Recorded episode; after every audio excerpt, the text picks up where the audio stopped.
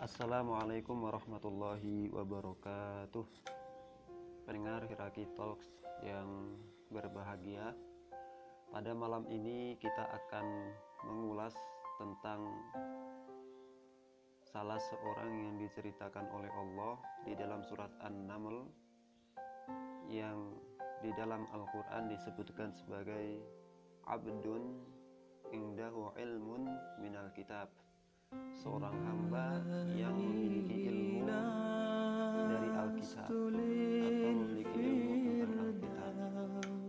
Teman-teman Hiraki Talks yang berbahagia, tentu teman-teman sudah pernah mendengar kisah Nabi Sulaiman dan pemindahan istana Ratu dari Yaman ke Palestina.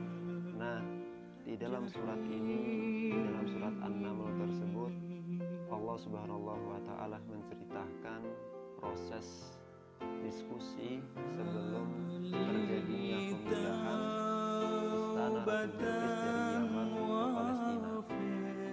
Teman-teman Hiraki Talks yang saya muliakan, ketika Hud-Hud datang dari Yaman dan menceritakan kepada Nabi Ibrahim bahwasanya di Yaman ada sebuah kerajaan yang besar dan dipimpin oleh seorang ratu.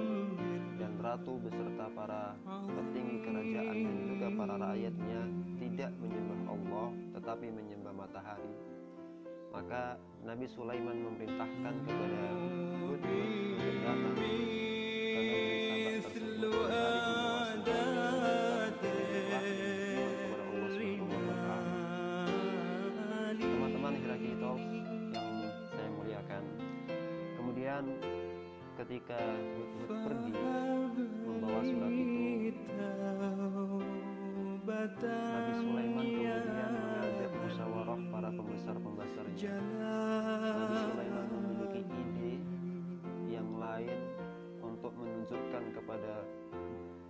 penguasa Sabak kekuasaan Nabi Sulaiman yang besar.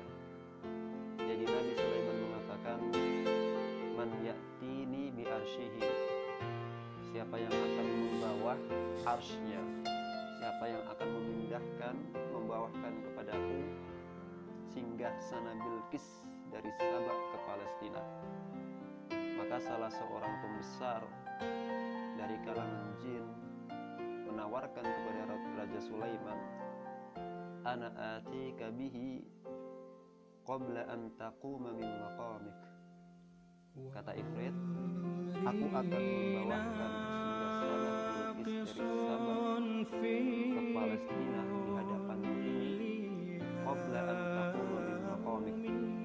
Sebelum engkau bangkit dari dudukmu wahai Raja Sulaiman. Kemudian setelah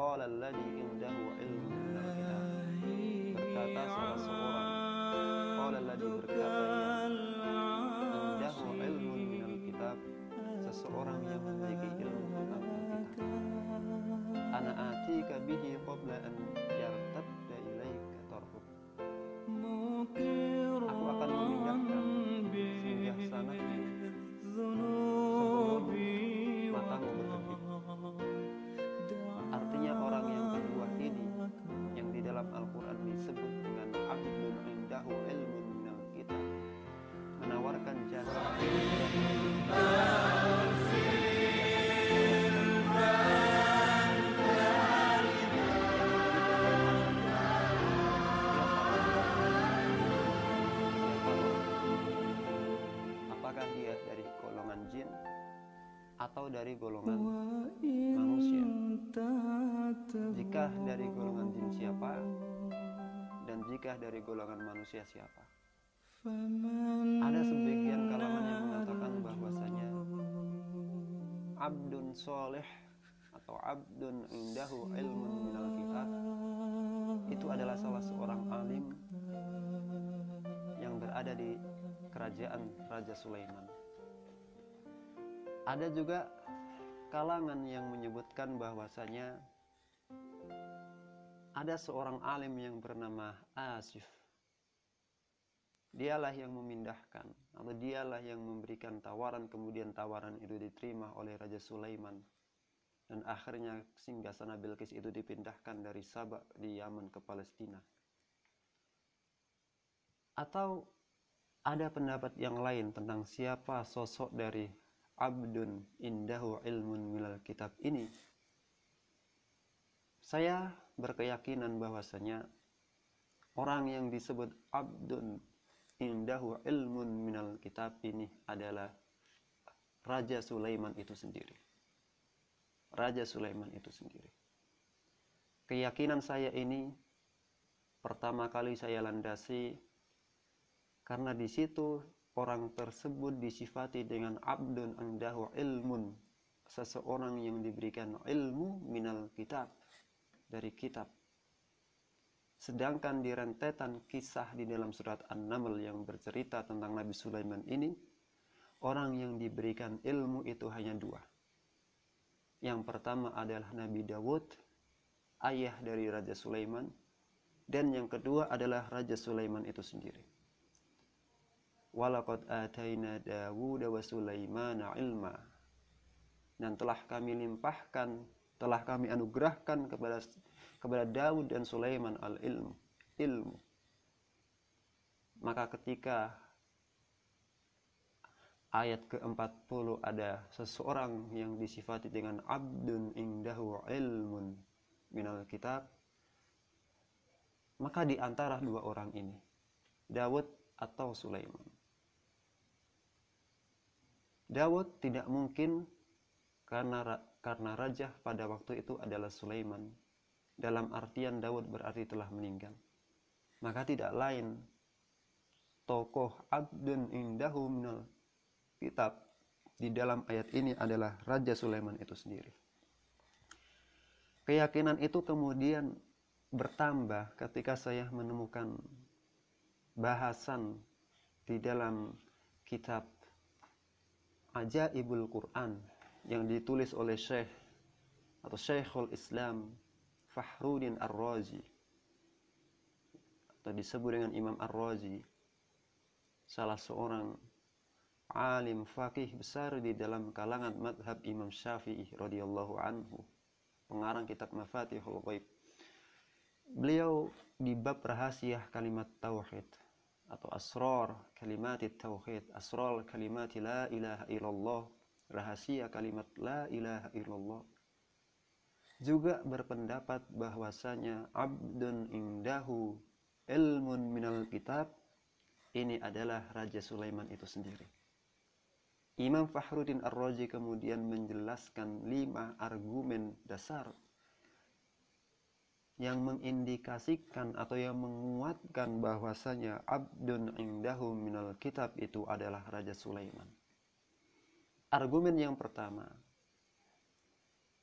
ayat itu rentetan ayat tentang pemindahan istana Ratu Balkis itu adalah pasca Nabi Sulaiman mengirimkan surat kepada Bilqis untuk menauhidkan Allah Subhanahu wa taala untuk meninggalkan penyembahan matahari dan beralih kepada penyembahan Allah Subhanahu wa taala. Maka untuk menunjukkan bahwasanya Raja Sulaiman itu benar-benar seorang utusan nabi dan benar-benar memiliki atau benar-benar diutus oleh langit. Maka Nabi Sulaiman ingin menunjukkan keutamaan kemuliaan dirinya dan sehingga memperkuat dakwahnya kepada Bilqis. Teman-teman Hiraki Talks yang saya muliakan. Oleh karena itu, kata Imam Fahruddin Ar-Razi, apa yang dilakukan oleh Nabi Sulaiman dengan memindahkan singgasana adalah mukjizat yang Allah berikan kepada Nabi Sulaiman untuk membuktikan bahwasanya dia adalah seorang nabi di hadapan Bilqis. Sehingga Bilqis sadar, paham, mana mungkin ada orang yang bisa memindahkan istana dari Yaman ke Palestina dalam waktu kedipan mata kecuali orang itu pasti dibantu oleh kekuatan yang maha dahsyat. Itu adalah argumen pertama yang dibangun oleh Imam Ar-Razi. Kemudian kata alladzi indahu ilmun minal kitab. Kata alladzi. Kata beliau secara bahasa adalah ma'rifah. Maka ketika ma'rifah berarti sosok telah disebutkan di dalam rentetan ayat sebelum-sebelumnya. Artinya adalah ketika kata alladzi yang bermakna ma'rifah atau telah diketahui sosoknya, berarti sosok itu tidak diketahui kecuali sudah disebutkan di dalam ayat itu atau di dalam rentetan kisah itu. Dan sosok yang disebutkan di dalam rentetan kisah itu sekali lagi adalah kalau bukan Daud adalah Sulaiman. Sehingga Nabi Sulaimanlah yang terkuat menjadi sosok Alladhi yang dalam artian kita adalah orang. Hal ini juga didukung oleh firman Allah Subhanahu wa taala di dalam surat Al-Anbiya ayat ke-79 Allah mengatakan fafahamnaha Sulaiman maka kami telah memberikan pengetahuan kepada Sulaiman tentang hukum. Artinya Allah Subhanahu wa taala memberikan kefahaman ilmu kepada Sulaiman tentang hukum-hukum yang tercantum di dalam kitab. Oleh karena itu orang yang dimaksud dalam kata alladhi pada kalimat qala alladhi indahu ilmun kitab adalah Nabi Sulaiman itu sendiri. Adalah Nabi Sulaiman itu sendiri. Kemudian argumen yang ketiga adalah bahwa kemampuan Nabi Sulaiman dalam memindahkan singgasana secepat itu menunjukkan kemuliaan yang tinggi sebagai seorang nabi. Dan seandainya ketika dikatakan bahwa yang melakukan itu adalah orang lain atau salah seorang prajuritnya, dan bukan Nabi Sulaiman, maka hal itu menjadikan orang itu lebih mulia dan lebih utama dibanding Raja Sulaiman alaihissalatu wassalam, sedangkan itu tidak mungkin. Kemudian yang keempat, seandainya Nabi Sulaiman dalam memindahkan singgasana membutuhkan atau meminta bantuan orang lain, hal itu telah meruntuhkan kedudukan Nabi Sulaiman sebagai seorang nabi di hadapan kaumnya. Artinya seorang nabi yang Allah berikan kemukjizatan-kemukjizatan untuk melemahkan lawannya, maka seorang nabi lebih berhak memiliki kemampuan itu dari orang lain. Kemudian yang kelima adalah Nabi Sulaiman mengatakan di dalam ayat yang sama yang memuat kata Alladhi indahu ilmun minal kitab. Beliau mengatakan Hada min fadli rabbi. Setelah istana itu berpindah, Nabi Sulaiman mengatakan, Hada min fadli rabbi. Ini adalah karunia Tuhanku. beluani untuk mengujiku. Aashkuru am akfur. Apakah aku bersyukur atau ingkar? Ayat ini merupakan bukti bahwa apa yang dilakukan oleh Nabi Sulaiman merupakan mukjizat yang diberikan oleh Allah kepadanya.